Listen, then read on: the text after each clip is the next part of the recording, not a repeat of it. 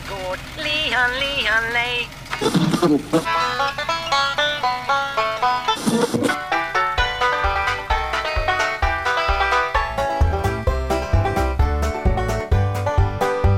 Du lyssnar på Bondepraktikan som presenteras av Bulletin. I besättningen finns som vanligt eh, jag, Rickard Axdorff och Skånepågen Per-Ola Olsson. Är det så att du gillar det du hör, eller inte, och av någon anledning vill lyssna innan gratis-lyssnarna, så har du möjlighet att teckna en premiumprenumeration på Bulletin. Då kör vi igång med denna veckas poddavsnitt. Per-Ola, hej! Hej Rickard. Har du, eh, eller rättare sagt vad har du dödat sen sist? Åh, oh, just det. Vi börjar ju med vad vi har dödat. Eh, den här gången har jag dödat mm. kajungar som knappt kan flyga. Det är nämligen den tid på året då de eh, börjar på att bli flygfärdiga. Det ser man på eh, när asken sätter eh, blad. Då brukar kajerna flyga runt där och då är de lättskjutna för de kan inte flyga. Så där har jag skjutit kajor. Uh, påminner mig om en uh, anekdot jag fått höra av min morfar och hans polare som låg uh, på rygg i uh, parken utanför mor morfars gård och uh, sköt kajor och uh, kröka samtidigt. Men... Så de låg, ja. de låg där på fyllan och sköt. Men vet du ifall de åt kajerna? Det skulle förvåna mig. Mm, för eh, det, det, gör ju nämligen vi här på gården. Vi, vi äter och grillar eh, kajungar. Eh, man tar ett på bröstet och sen så gärna i lite sötsur sås. Eh, inte alls dumt. Ja. Eh, och Per-Ola, vad, vad är det? är nu du ska fråga mig vad jag är arg på. Precis, vad är du förbannad på denna gång? Jag är inte så mycket arg idag, jag är mer orolig. Vi har ju haft en, en eh, en, en incident som är förjävlig med, eh, och fruktansvärt tragisk men, och som, men som alla andra politiserar och varför skulle jag då vara sämre? Eh, och eh, grundat i den historien vi har haft så är jag påtagligt orolig att, att den här eh, döda polisen och, efter, och efterverkningar av det här kommer att vara att staten i vanlig ordning kommer att skruva åt tumskruvarna på vanligt folk och inte på dem som gemene man uppfatt, eller, äh, betecknar som kriminella. Eh, och typ jägare. Eh, mm. Så att jag är väl påtagligt orolig för att man i framtiden får passa sig ännu mer för att bli nerbrottad av insatsstyrkan när man är ute och eh, sätter upp saltstenar. Och en som kan prata mer om att hamna i kläm är ju dagens gäst Aron Flam. Hej Aron! Hej Per-Ola, hur står det till? Jag mår bra, höll på att säga. Jo, men jag mår bra. Det regnar idag för en gångs skull. Så jag, jag är glad. Ja, och regnar det sista juni så kommer skörden bli arm. Eller något. um, jag, jag, jag hade tränat in alla de där och läste upp de här innan, men ja, mm. strunt samma. Jag är otro, otroligt imponerad över, över, över um, hur mycket du kunde av, av originalbondepraktikan. Jag googlade men, bara fram ett gäng rim och sen så sa jag dem i rad.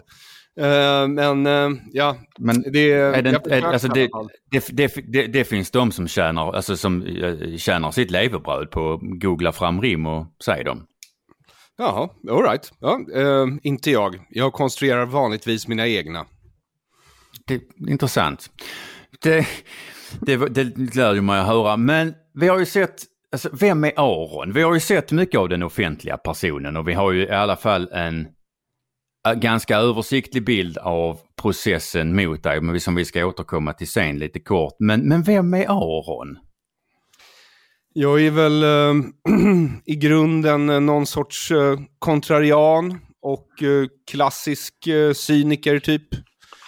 Kan man väl säga, utan att det ska låta allt för dåligt. Det vill säga kontrarian som i motvallskärring har jag väl alltid varit. Och eh, så läste jag någon anekdot om cynismens fader Diogenes när jag var väldigt liten, om att han gick runt på Atens gator med, mitt på dagen med en tänd lykta och lyste folk i ansiktet och frågade om de hade sett någon människa någonstans, för han hade bara sett eh, kanaljer, tror jag. Eh, och jag kunde väl identifiera mig lite med det och så på den vägen är det. Och eh, sen har jag alltid velat skriva och jag har alltid älskat humor. Så att jag skulle bli ståuppkomiker var väl kanske inte så konstigt så här i efterhand. Um, även om när jag var liten så drömde jag om att bli superhjälte och eller spion. Men eh, 1989 föll muren och uh, ja, då var, ju, då var det bara industrispionaget kvar där under 90-talet när jag var mellan 9 och 11 år och jag tyckte inte det var så intressant utan det var ju politiskt spionage då som jag var intresserad av. Och sen det här med superhjälte, eh, ja vetenskapen har ju inte riktigt gått så fort framåt som vi alla hade hoppats. Så jag blev istället eh, fri, frilansskribent och eh, ståuppkomiker. Så kan man väl sammanfatta mig. Jag förstår. Alltså jag kan, jag kan relatera till det där med att knalla runt och, och vara desillusionerad över att man bara ser kanaljer. Eh, det gör jag ju varje dag nu i turisttiden när jag kör in till Simrishamn. Ehm, jag har ett lite ansträngt förhållande till turister. Men, men vad spännande. Så, att, alltså, så det, det, det, det, du gör om dagarna det är helt enkelt, eh, vad ska vi kalla det för? Vad jag gör om dagarna? Mm? Eh, jag läser mycket efter eget huvud och sen så hittar jag på projekt som jag ska genomföra. Och, och så tänker jag igenom hur jag ska genomföra dem och då är mina primära, liksom, vad ska man säga, megafoner numera är väl, ska väl vara en ståuppscen och eller min blogg och eller podd. Så eh, det är väl eh, till de medierna som jag försöker anpassa då eh, det jag vill göra och prata om. Så vanligtvis så är det ju mm. så att jag, Spännande. även när jag gjorde stand-up så brukade jag liksom bestämma mig för ett tema jag ville undersöka i min stand-up. Och sen eh, mm, så skrev mm. jag en massa one-liners och små tankar och sådär och så framförde jag dem. Och eh, jag ger mig ofta på kulturspecifika tabun som jag kallar det för. Eh, det är mitt eget ord eh, i någon mån och sen har jag ställt upp mina egna kriterier för hur jag identifierar dem. Och när jag hittar ett kulturspecifikt tabu, alltså ett tabu som har med kultur att göra och inte med biologi att göra, så och äta bajs eller ha sex med sina syskon är ju, kan man säga, biologiska tabun som inte är särskilt eh, bra att bryta mot. De finns i alla kulturer, i alla tider av en anledning. Det är ohälsosamt att äta sin egen eller andras avföring. Och eh, det, är inte det, det uppmuntras inte att ha sex med sina syskon eftersom avkomman då kan drabbas av eh, eh, olika genetiska problem. Eh, men kulturspecifika tabun, mm. det är ju mm. saker som hör vår kultur till. Och i Sverige så har vi ju ett antal tabun och jag har försökt under min karriär gå igenom så många som möjligt av dem. Till exempel narkotikapolitiken eller sexualpolitik eller jag har eh, skämtat om sossar och moderater och liberaler.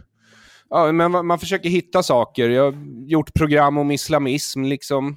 Uh, nu för tiden så verkar det som att man kan börja prata om det igen, men när jag började med både narkotikapolitik och islamism så uh, var det som att man kunde höra en knappnål falla i rummet när man började prata om det, eller skrev om det, eller poddar om det.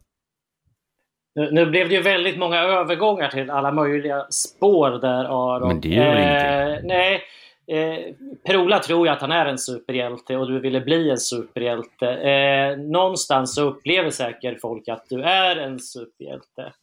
Eh, Jaha, det, upplever, det du själv att du är en, upplever, upplever du själv att du är en superhjälte?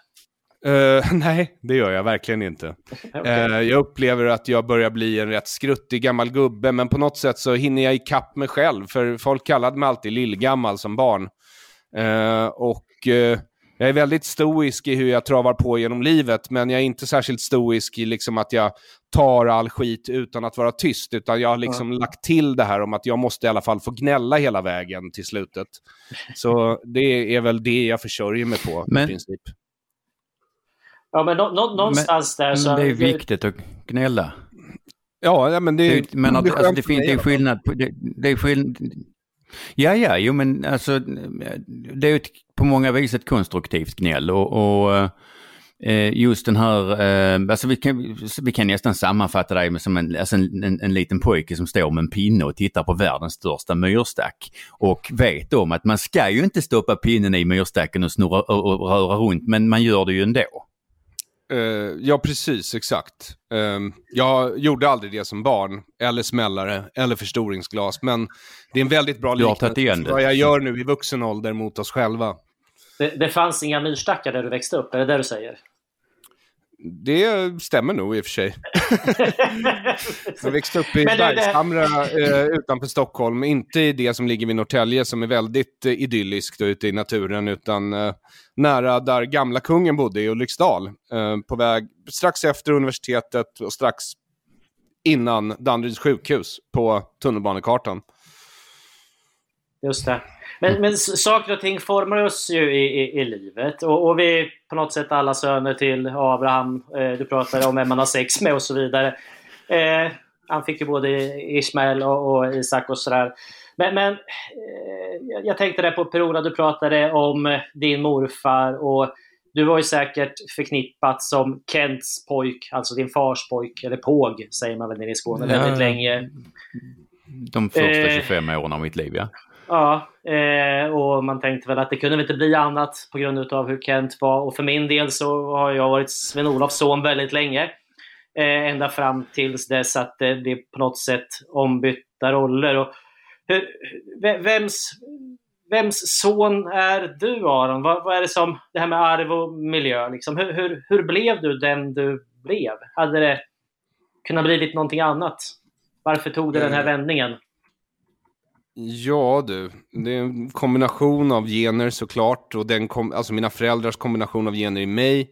Min miljö, uppväxtmiljö som är alltså mina föräldrars uppfostran av mig. Och den kultur jag växte upp i. Eh, sist men inte minst. Eh, så det hade nog kunnat bli mycket annat av mig. Vill jag tro i alla fall. Eh, skriva har jag alltid velat göra. Det kanske inte var säkert att det skulle vara framförallt humor. Det är inte bara humor, men det är väl framförallt humor jag har skrivit.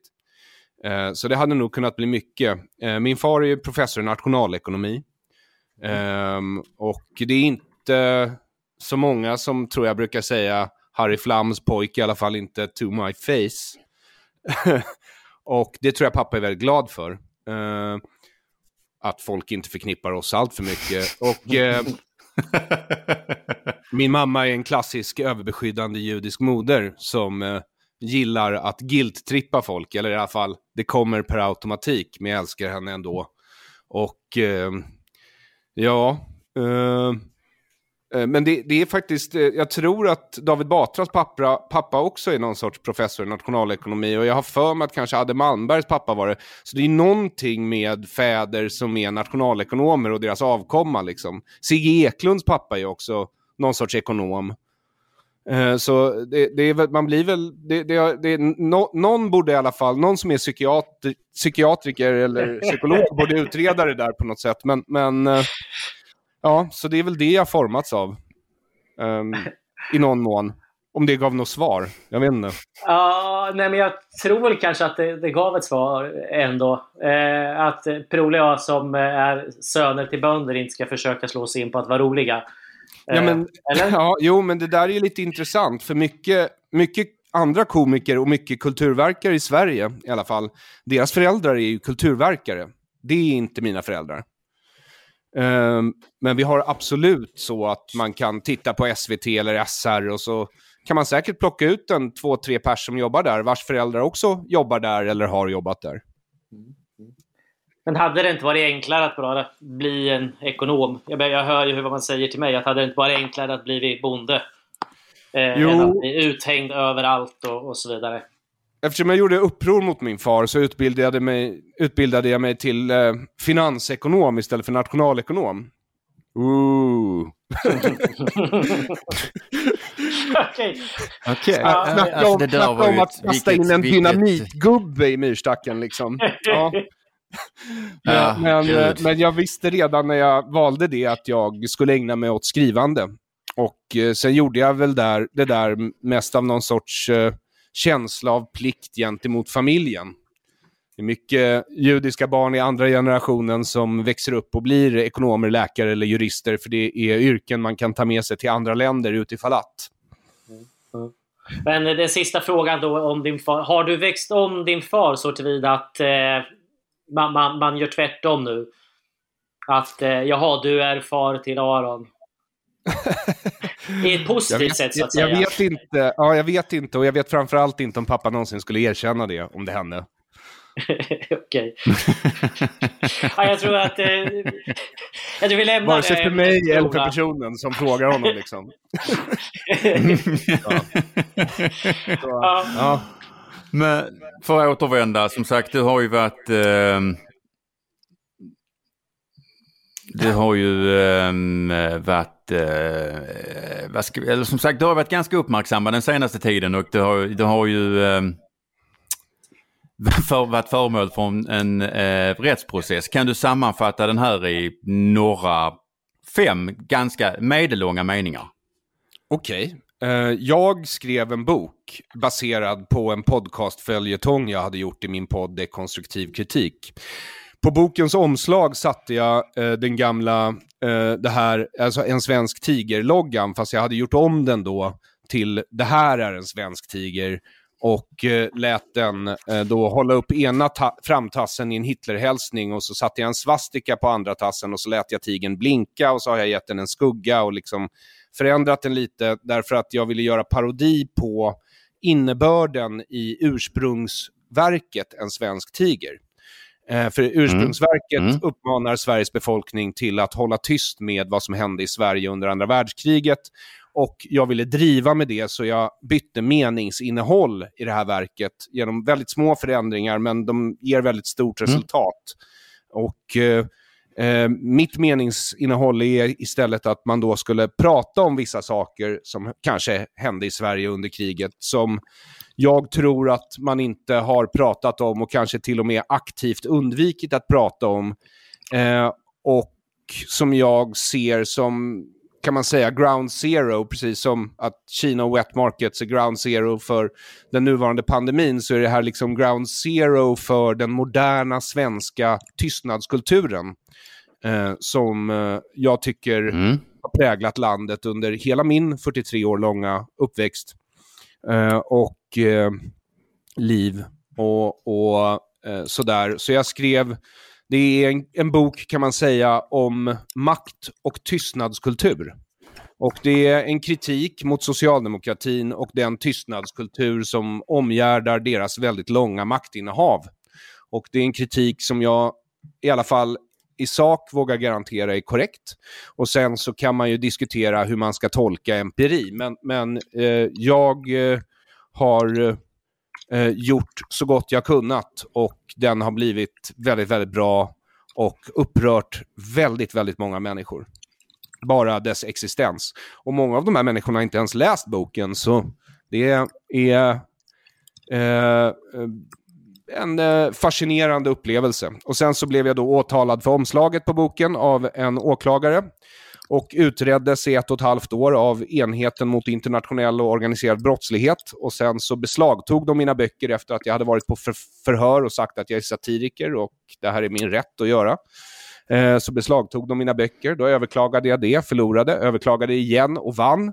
Fick tillbaka mina böcker. Eh, och då sa domstolen då att till åklagaren att den här förundersökningen räcker inte för att väcka åtal. Men åklagaren väckte åtal ändå. Och sen så vann jag i tingsrätten och sen så gick det några veckor och sen överklagade åklagaren till hovrätten. Och sen så gick jag in i hovrätten och vann igen. Eh, så eh, ja, det är väl eh, historien i princip. Intressant. Jag måste samtidigt, alltså jag, nu blir jag ju faktiskt lite, lite avundsjuk här för att du är nog den första jag, jag träffar som har blivit eh, förhörd av en häftigare avdelning än vad jag blev förhörd av. Jag blev bara förhörd av eh, specialbrottsenheten. Ja, usch. De uh, mjukisarna. Ja, ja, nej men då kan jag berätta för dig att det här var ett väldigt trevligt förhör. Dock inte med den polis som hade utrett mig, utan någon annan. Och den var trevlig och de gick igenom. Och jag tänkte efter förhöret, och det tror jag min dåvarande advokat också tänkte, att ja, men det här kommer ju avskrivas. Och sen så blev det ändå så att de beslagtog Mm. mina böcker istället. Så, ja, tydligen inte. Jag, ja, nej, men jag, jag kan relatera till det. där. Nej, alltså mitt förhör var också trevligt. Jag eh, eh, lärde polisen en hel del om, om eh, de lagrum han faktiskt eh, eh, eh, var, var satt att för något, på något vis nav- navigera runt. Så att eh, Och vad var det du hade Ehm, gjort? Jag var, jag var, det var, jag eh, var eh, misstänkt för att ha, ha, ha haft eh, eh, tre stycken Highland, eh, Highland Cattle, det sådana bruna långhåriga saker med horn på. Ja, absolut. Ut, mm, ute, ute på vintern utan Ja. vindskydd. Eh, Det var bara det att eh, ett, eh, de hade ett hus de kunde gå in i så att de hade vindskydd. Två, under den perioden som det rörde sig om så krävde inte lagen vindskydd så att liksom det var det var dubbelfel från deras sida. Men jag, blev ändå förhörd av, av eh, eh, kriminsp på eh, specialbrottsenheten. Så efter en timme så hade jag lärt honom så mycket om, om både djur och lag att eh, han ville inte vara med längre så han avslutade förhöret och i princip kastade ut mig från polishuset. För jag var inte färdigpratad. Jag ville prata mer. Ja, och det, det har jag viss förståelse för eftersom Highland Cattle är oerhört intressanta djur och smakar. Det är de. Absolut. Vi, en av dem hette faktiskt Entrecôte. Alltså hans, hans öde var, pre, var predestinerat liksom. Och föga anade han antagligen det. Nej, alltså för, förmodligen inte. Alltså jag, jag, eh, jag var så snäll så jag berättade inte för honom i alla fall. Eh, Men som sagt, vi har, alltså under den här processen så har vi ändå uppfattat dig som vid gott mod. Men, men som en personlig fråga, vad har det... Har du sovit alla nätter liksom? Har du, liksom hur är pulsen när du får samtal från skyddade nummer? Men liksom hur är känslan för fönsterkuvert? Eh, nej men, jag har väl alltid tänkt att det finns ju en viss sannolikhet att det här görs för att slita ner mig och göra mig upprörd och få mig att reagera som en galning. Och eh, därför har jag som en eh, god artist eh, sett till att ta på mig liksom mitt allra bästa humör. Men det är klart att eh, när de kräver, i första instans så krävde de, jag tror 1,5 eller 1,8 miljoner i skadestånd. Och i andra instans hade det där ökat till typ 3,3 miljoner i skadestånd. Eh, och sen Mm. så sliter det ju Mm. kanske på ens föräldrar och ens syskon och ens käresta och eh, Mm. sådär. Mm. Och eh, det är väl det framför allt, att se hur det påverkar ens eh, nära och kära som är det jobbigaste. Mm. Eh, Men eftersom eh, Mm, mm. det finns en viss sannolikhet att en del av deras mål är att uppnå just den effekten, så tänkte jag att nej men nu är det väl bara att köra på liksom. De var väldigt tydliga i förhör och samtal med mm. mig att det rådde förundersökningssekretess. Ehm, och de Mm. sa det så många gånger eh, Det- att jag fick intrycket i alla fall att jag inte skulle få prata med pressen och sådär.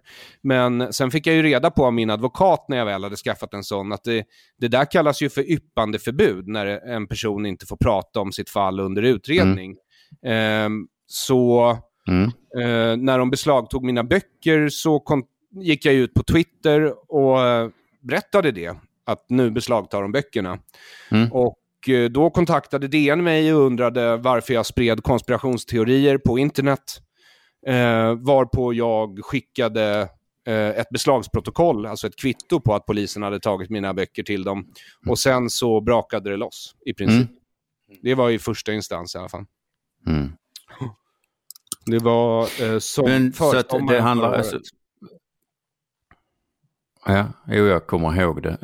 Um, men så att det handlar inte bara, vad ska jag säga, det handlar inte bara om dina ansträngningar att inte framstå, alltså inte bete dig som en galning eller bli fram, framtvingad att bete, alltså ska, skapa en reaktion där du bete, alltså kan uppfattas som knäpp, utan det handlar även om att ja, bland annat DN i princip målade ut dig som en galning när de påpekar, eller så, försöker få det till att du sprider konspirationsteorier.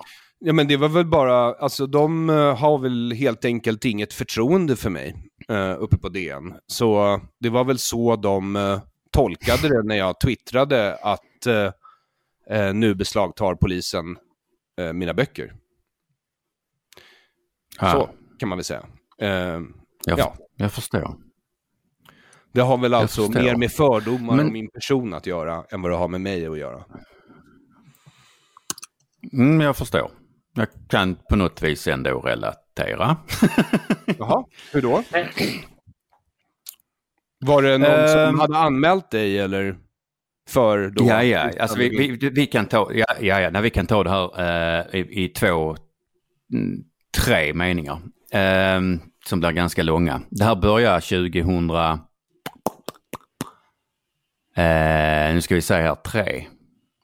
Okay. Eh, mm, eh, eh, och kommunen här, Miljö och hälsa, de, hade, ehm, de, de var sällsynt dåliga. Och eh, alltså de toppred eh, företagare och lantbrukare. Och då 2003 så eh, hade de beslutat om nya tillsynstaxor eh, som var helt uppåt väggarna. Och min far han ehm, hade uppdrag i Lantbrukarnas riksförbund här i kommunen och eh, slogs ganska mycket med, med förvaltningen och nämnden för att eh, bromsa en, eh, en hel del av deras eh, galenskap. Um, de här tillsynstaxorna var det riktigt krig om och eh, till slut så ringde farsan kommunalrådet och bad honom att nu får ni för fan skärpa till er och, och ta nämnden i örat. Så att kommunfullmäktige de eh, inhiberade eh, nämndens beslut och drog tillbaka alla fakturorna. Det var ganska så högt tonläge. Eh, dagen efter så stod eh, en anställd inspektör från eh, samma nämnd, eller samma förvaltning, eh, hos min far och eh, ville göra en eh, djurskyddskontroll. Ehm, det gjorde han, gick en runda, sa ingenting, sen tar det tre veckor eh, eh så ringer lokaltidningen min far och frågar om eh, vad han eh, hade för kommentar till att han var polisanmäld för brott mot djurskyddslagen. Mm. Mhm. Ehm, och de försökte då klistra in mig i det här också trots att jag hade en egen gård eh, och eh, inte, eh, inte hade några djur då. Sen så var det krig fram, alltså från 03 till 09, eller ja, eh, första, årsskiftet och 08-09 så eh, tog länsstyrelserna över ansvaret för djurskyddskontrollen. Och vi hoppades att nu, nu, nu blir det bättre för nu blir det en annan myndighet. Eh, det blev det ju inte för att Länsstyrelsen anställde ju de probleminspektörerna och då hade jag under, under resans gång fått en sparkad för att han hade alltså eh, ehm, eh, gett sig på mig så in i helvete så att det slutade med att han fick sparken. Ehm, sen, sen blev han anställd av en annan kommun och sen anställd av Länsstyrelsen. Så att gissa vem som var bland de första han hälsade på. Ja. Ehm, så det slutade... Alltså, Nu gissade jag rätt. Gissade jag rätt? ja, du gissar rätt. Ja, det, är, Du- du- vet, alltså- det är lika, li- lika delar tur och erfarenhet. Ja, alltså den där cynikern i dig, alltså. Mm. Eh, så att vi hade, alltså det var regelrätt, eh, alltså vi kan kalla det för trakasserier. Jag vet, alltså när det var som värst så hade de, eh, här kunde vi ha inspektion tre eller fyra dagar i veckan. En inspektion kunde ta upp mot åtta timmar. Jag blev, de hittade på massa saker, de släppte ut djur. Ehm, alltså det var, eh, de, de, har lagt, de la in bilder från andra djurhållare. Eh, jag blev förelagd helt sinnessjuka alltså, saker, till exempel eh, skulle jag eh, reparera grannens staket. Och jag förklarar, men jag, alltså jag kan inte, jag har liksom inte rådighet att, att reparera det staketet, men det spelar ingen roll så jag förlorar i förvaltningsrätten. Eh, sen vann jag några mål, ehm, eh, bland annat ett eh, som var ganska så kännbart för mig. Eh, eh, där kunde jag visa att jag hade haft ganska stora kostnader så att jag, jag begärde, av, alltså när jag vann mot Länsstyrelsen så begärde jag av JK att få, eh, få eh, eh, de kostnader jag kunde vidimera ersatta, nämligen 3,7 miljoner. Eh, och det var bara det jag kunde vidimera. Eh, fick till svar att lite får man ju tåla. Ehm, eh, sen blev jag som sagt även eh, polisanmäld. Det lades ner. Eh, Länsstyrelsen överklagade några gånger så till slut så eh, alltså polisen var så jävla trött på dem så det inte var sant. Så att eh, när det var som värst så Ja, jag, jag kollapsade av stress helt enkelt. Så jag hamnade på akuten, spydde, spydde blod. Eh, mådde inte så jävla jättebra. Men jag tyckte väl ändå att jag hade väl kommit ur det ganska bra fram tills eh, i fjol. Eh, när, jag helt, eh, när jag bestämde mig för att jag skulle ta livet av mig så eh, kom vi fram till att fan jag hade ju PTSD också. Ja.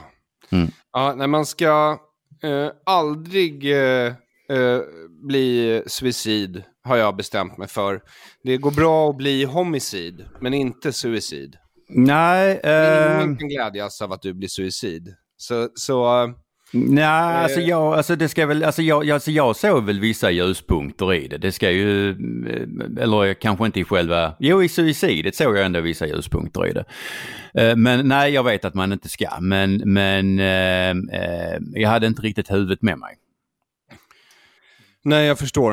Eh, Mm. Jag beklagar. Eh, eh, mitt rättsfall har ju bara pågått än så länge i... eh, eh, ja, alltså de kan ju överklaga igen så, till Mm. Högsta domstolen. Så det har bara väl bara pågått i några år egentligen. Alltså de började utreda mig ett och ett halvt år innan de tog mina böcker. Så Mm, mm, och sen innan dess eh, så har jag ju också stött på lite problem. Eh, när jag skulle registrera mitt förlagsnamn som vi gav ut boken på så ville vi kalla det för Samistat och då sa Mm, Bolagsverket nej för att de tyckte Mm. att Samistat väcker anstöt hos an- allmänheten.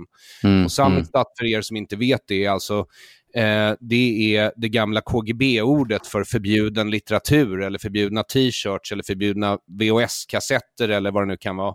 Alltså Mm. för förbjuden publicering. Mm. Eh, så de enda som kan ta illa vid sig för det, det är ju om vi har skyddat ett gäng gamla kommunistdiktatorer här i Sverige som plötsligt bara Samistat, nej men herregud, nu får jag en hjärtinfarkt om de ska hålla på med sånt här. mm, Men mm, det ville alltså Bolagsverket till en början inte godkänna för att det kunde väcka anstöt hos allmänheten. Men det överklagade vi och vann.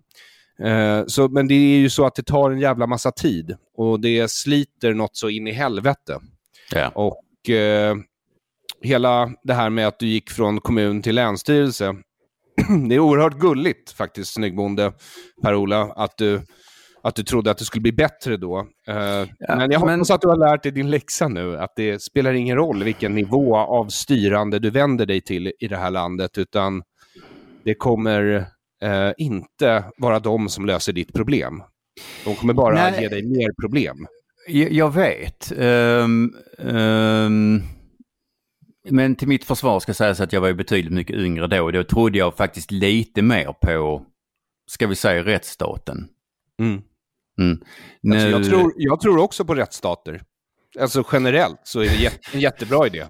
Exakt så, alltså, vi har landat i samma. Alltså, det, det, menar, det är en bra idé, men, Ja. men sen, sen, alltså, det har ju hänt, alltså, hänt någonting och jag har, o, alltså, jag har oerhört lågt förtroende för, för eh, staten och rättsstaten idag, det har jag.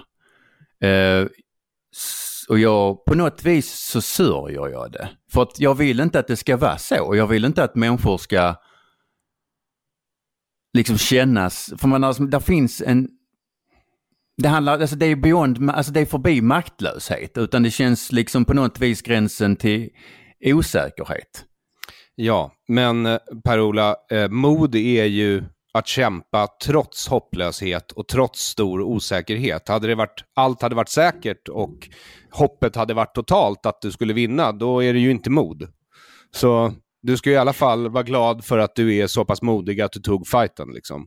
Och att det känns hopplöst förstår jag. jag menar, när jag gick in i den här rättsprocessen, då hade jag ändå för det första gjort en podd i, i fyra år eller någonting och där jag intervjuat forskare och författare som antingen har utrett en röta eller är med om en röta i rättsstaten, Mm. i akademin, inom politiken eller myndigheter. Eh, och jag hade skrivit en rätt tjock bok om all röta som finns i den svenska statsbildningen eh, och också sipprat ut i kulturen, skulle jag säga, under väldigt många decennier. Mm. Så jag blev ju inte jättechockad när det här hände. Alla omkring mig var väldigt, väldigt chockade. Men det är också så att jag har jobbat som Mm. satiriker väldigt länge. Jag visste att när jag gjorde det här så höll jag mig inom lagens råmärken. Men när, under min karriär som satiriker och komiker på SVT till exempel, eller public service, så har jag ju blivit censurerad massor med gånger med hänvisning till bland annat upphovsrätten. Och så pekar jag på parodiundantaget och så säger de, ja men det är ju bara en praxis. Och sen så kan man liksom censurera med hjälp av det här. Men tack vare den dom jag Mm. fick i hovrätten nu så är det ju så att jag räknas ju som att jag har verkshöjd. Jag är konstnär. Vissa får sin examen i konst från Kungliga Konsthögskolan, alltså Mejan. och andra former av Mm, mm. rättssystemet. Men de har ju bedömt nu att eh, yttrandefriheten går före upphovsrätten när det gäller det jag har gjort. Och Det innebär att vi har lite större frihet att säga vad vi tänker och tycker.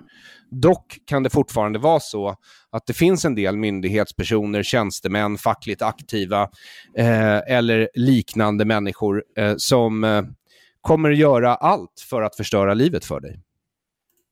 Allt. Jo, jag har Att de noterat kommer göra det. allt för att förstöra livet av dig. Mm. Ehm, alltså, jag har noterat det och jag tror ju att Alltså, i, alltså vad ska vi säga, um, dårar var ju ett mindre problem för innan vi gav dem myndigheter att verka vid.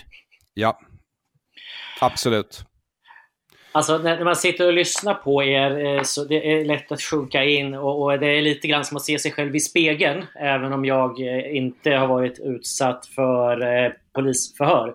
Även om Rema kanske lyssnar av oss just nu, vad vet jag. Men någonstans där så... Det eh, kommer.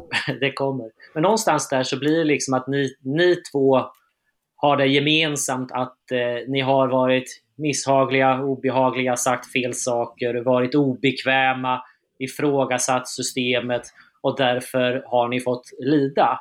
Eh, jag misstänker att det är inte innehållet i, i Arons bok som är det väsentliga. Det är Aron som person och det han gör utöver det som är det viktiga, det man vill komma åt. Att man vill tysta Aron, precis som man vill eh, tysta Per-Ola. Att han inte ska ligga på länsstyrelserna så att de ska göra eh, rätt. Istället Ja. för att göra som de vill. Eller hur ska jag... Alltså, ja, jag tror att du har eh, delvis rätt. Jag var en jobbig person och man gjorde, livet surt för mig och man var beredd att göra livet surare för mig. Men jag tror att innehållet i min bok faktiskt spelar en viss roll eh, för åklagaren därför att han återkom till det hela tiden. Trots att han, hel, de påpekade två saker samtidigt. Att det här gäller bara omslaget och sen så återkommer de ändå till innehållet och säger men så här, innehållet verkar ju inte satiriskt. Då kan ju inte omslaget vara satiriskt, var väl hans rational då.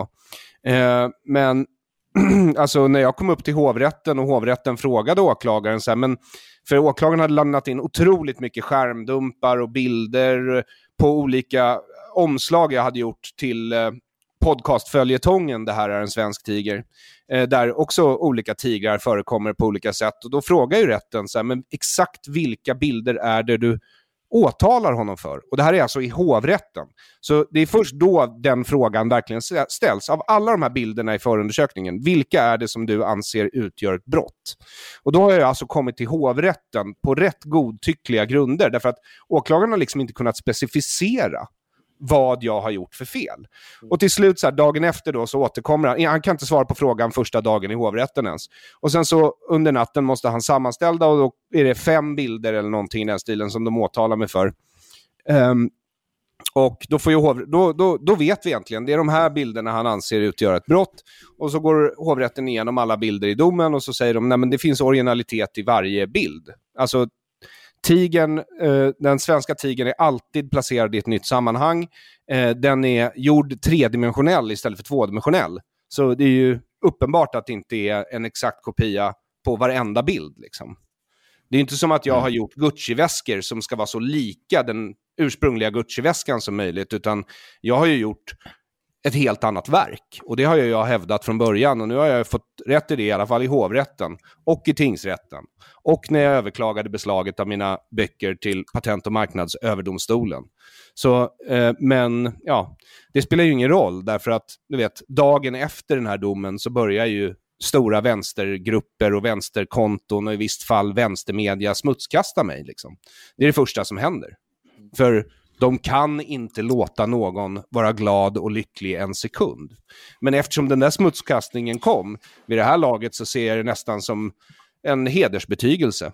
Alltså därför att uppenbarligen så tycker de att ingen ska läsa den här boken. Innehållet är så pass farligt för dem.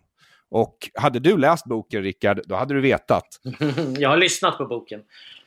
Ja, men det är ju stora skadestånd som står på spel om Sverige erkänner samarbete med Nazityskland från 33 till 44 eller 43 när Londondeklarationen lämnades in. Mm.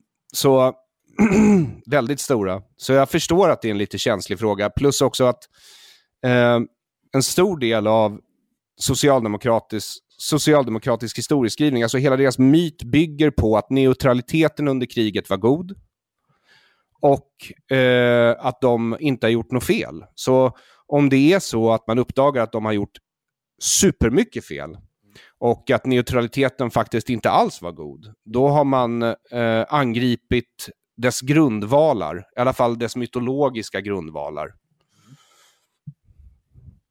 Nu ser Eh, Per-Ola helt... Eh, ja, nej, men jag bara funderar på om vi då kopplar över eh, samma resonemang till Per-Ola, det vill säga att eh, in, innehållet är viktigt. Då, då landar Ja. vi någonstans där i att ditt sätt att sköta djur, eh, som är själva innehållet, eh, ligger inte i linje med den bild eller det man från myndigheter vill visa upp.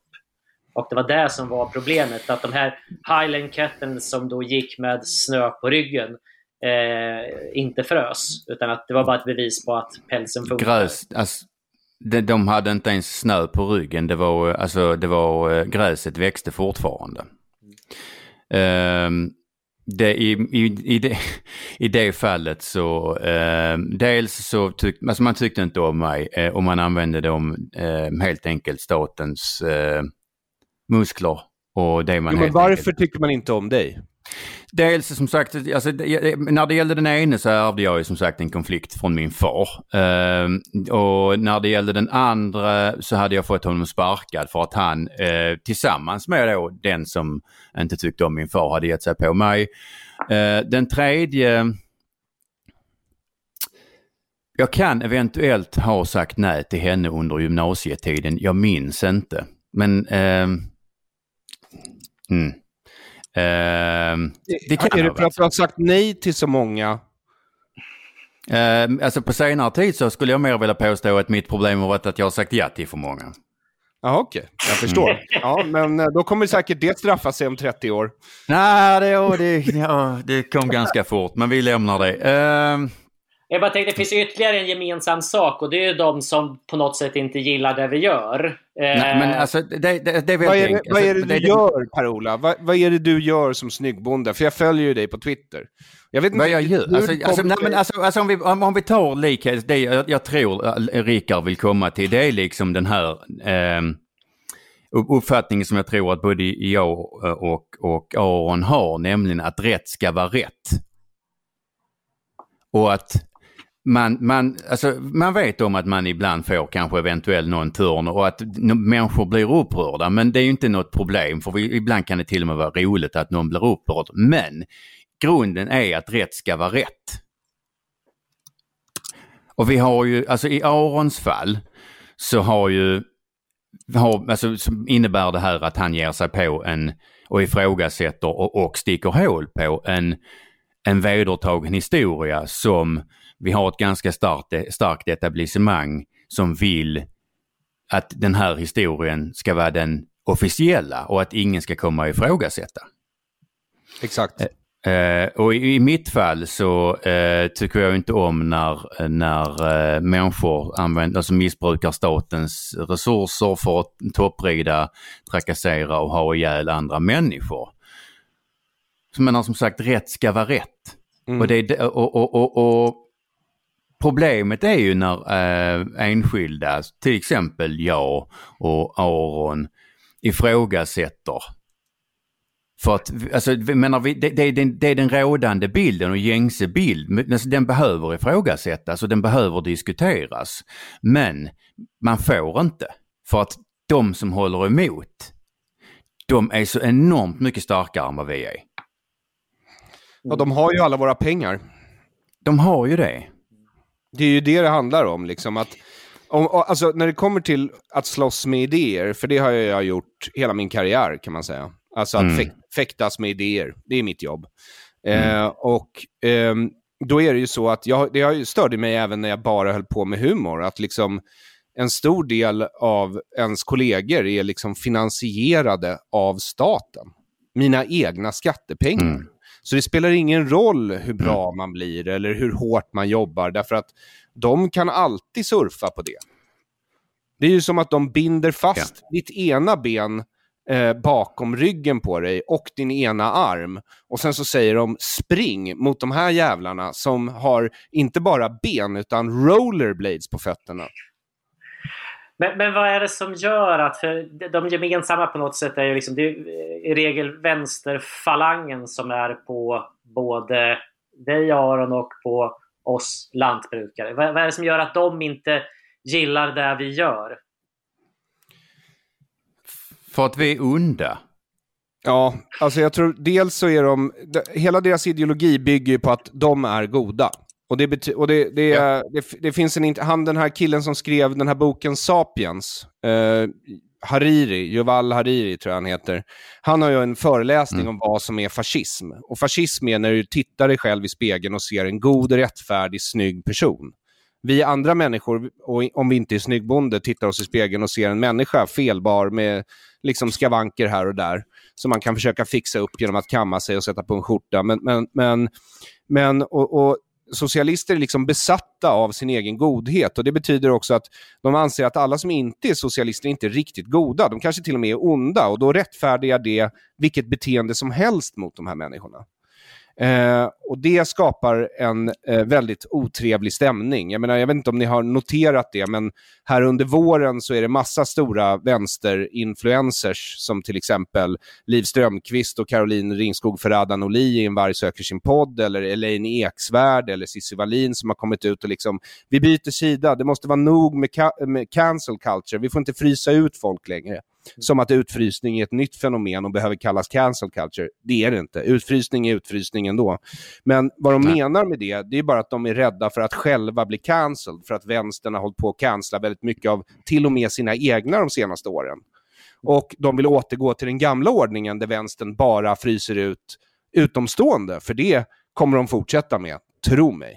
Så det är liksom, det handlar ju bara... Ja, så eh, ja, och så dels är det det här besattheten med godhet och dels är det det här med att de har gjort avund, mm. alltså som borde vara en dödssynd, eh, till en dygd i sin religion, sin moderna sekulära socialistiska religion.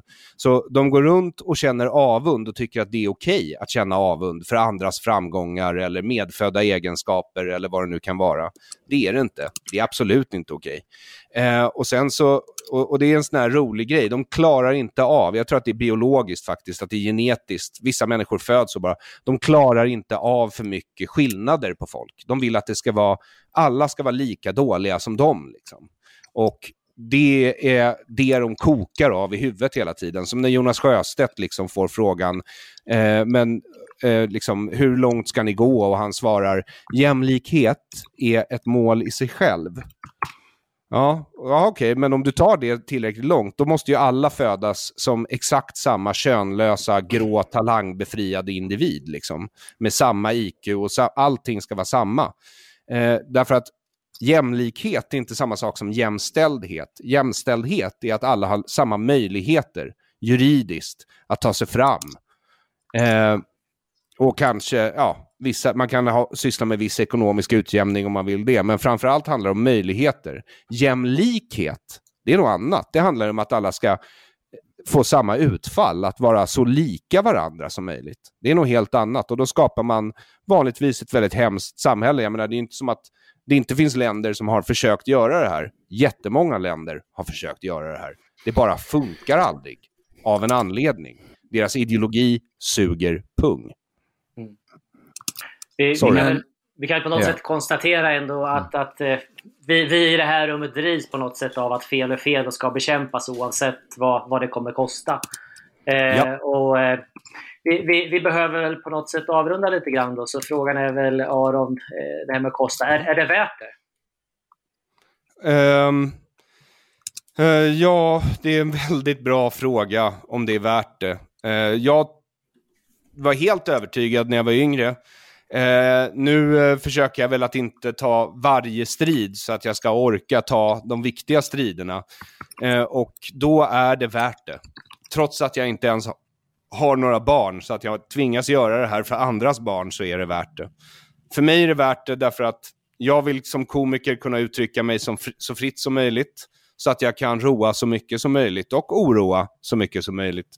Och eh, Eh, Eh, I i liksom eh, Per-Olas fall så måste det ju vara värt det därför att han snackar ju om sin egen egendom. Och det är ju han som ska råda över sin egendom. Och sen får hans förmågor eh, röja om han är kapabel att göra det eller inte. Men i det här fallet så låter det ju som sedvanligt maktmissbruk från myndigheters sida. Så ja, det är värt det. Mm, mm.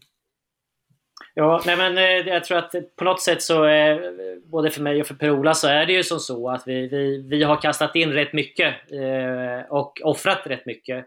Och eh, i regel är det på ideell basis. Eh, vi har ju knappast gjort oss förmögna på att ta striden. Det är snarare tvärtom. Eh, jag är ju numera inte anställningsbar inom den egen industri som jag slåss för. Eh, jag har som stridit för äganderätt och brukanderätt i 10-15 år och tacken är ju att jag uttryckligen ifrån bolagsstyrelser, alltså på börsen, eh, får veta att jag är inte anställningsbar. Eh, men det är värt det. För att jag sover gott om nätterna. Jag vet att jag har gjort rätt. Eh, när man slår upp historieböckerna över de här sista 10-15 åren som vi har levt i gemenskap och samförstånd och tillsammans och ska försöka gå armkrok med de här eh, röda och gröna individerna som inte vill annat än bara begränsa din egen tillgång till din egen egendom. Rätten att få bruka, rätten att handla med och, och rätten att sälja din egen egendom. Då, då kommer det ändå stå i historieboken att Prola och Rickard, de stretade emot. Ja. Eh, vi, vi råkade kanske vara 5-10 år före vår tid. Eh, och alldeles för få har lyssnat på oss. är det inte så Per-Ola? Eh, jo, men så är det. Eh, det. Det är så, men eh, som sagt det är värt det. Det är vi väl alla tre överens om. Både yttrandefrihet och äganderätt. Äganderätt borde egentligen heta ägandefrihet, tycker jag personligen. Mm. För det är två typer av frihet som man måste ha för att kunna bli en självständig individ. Mm. Och eh, Båda är hotade i Sverige och har varit oh ja. väldigt länge. Så vad det mm. handlar om det är att rulla tillbaka vissa reformer som sossarna införde. Mm. I vissa fall tog över då, men... Ja, och det handlar ju som sagt inte bara om att motståndarsidan har våra pengar, utan det har ju, de har ju präntat in bilden hos, hos väldigt många att det är de som är de goda. Och att det är Alltså det, det, är en, alltså det är en pedagogiskt väldigt svår uppförsbacke. När man ska ja. försöka börja ifrågasätta, som i Arons fall, den svenska neutraliteten. Mm. Ja. Eller eller ehm, eh, staten generellt eller statens eh, eh, eller länsstyrelserna som jag har ifrågasatt eller eh, skogsbrukssidan som, som Rickard har ifrågasatt. Det blir vi som är de onda. Vi har inte bara väldigt lite resurser för att dels grundat på grund av att motståndarsidan har våra resurser utan vi är dessutom onda för att det är de som är de goda. Sen, ja. sen, sen, så har vi ytterligare en sak utöver kapitalet och det, det är möjligheten att nå ut, att få våra röster hörda. Eh, alltså vi har ju en publicistisk scen där ingen är neutral. Där alla egentligen har någon typ av agenda. Eh, det DN kanske är väl den som driver på det allra mest. Eh, I alla fall vad det gäller skogsbruket den senaste perioden. Och därför har vi ju hamnat i, på Bulletins plattform. Därför att Bulletin har någon slags idé om att förändra den publicistiska scenen för att släppa fram de som inte släpps fram, de som tystas. Vet, det, är rätt vanligt att vi försöker nå ut men vi får inte ens ett svar. Eh, så att nå ut är ju superviktigt och där har ju exempelvis du Aron varit duktig på att dragit vad heter, ett tungt lass för oss andra. Så tack för det. Jag är glad. Eh, tack så mycket. Det är väldigt smickrande att höra. Jag vill bara sammanfatta vad vi har pratat om här lite snabbt. Eh, och eh, Som jag förstår det så behöver vi alltså negativ yttrandefrihet på första plats i grundlagen, garanterad äganderätt på andra plats. Vi behöver tjänstemannaansvar så att man kan ställa myndighetspersoner till svars.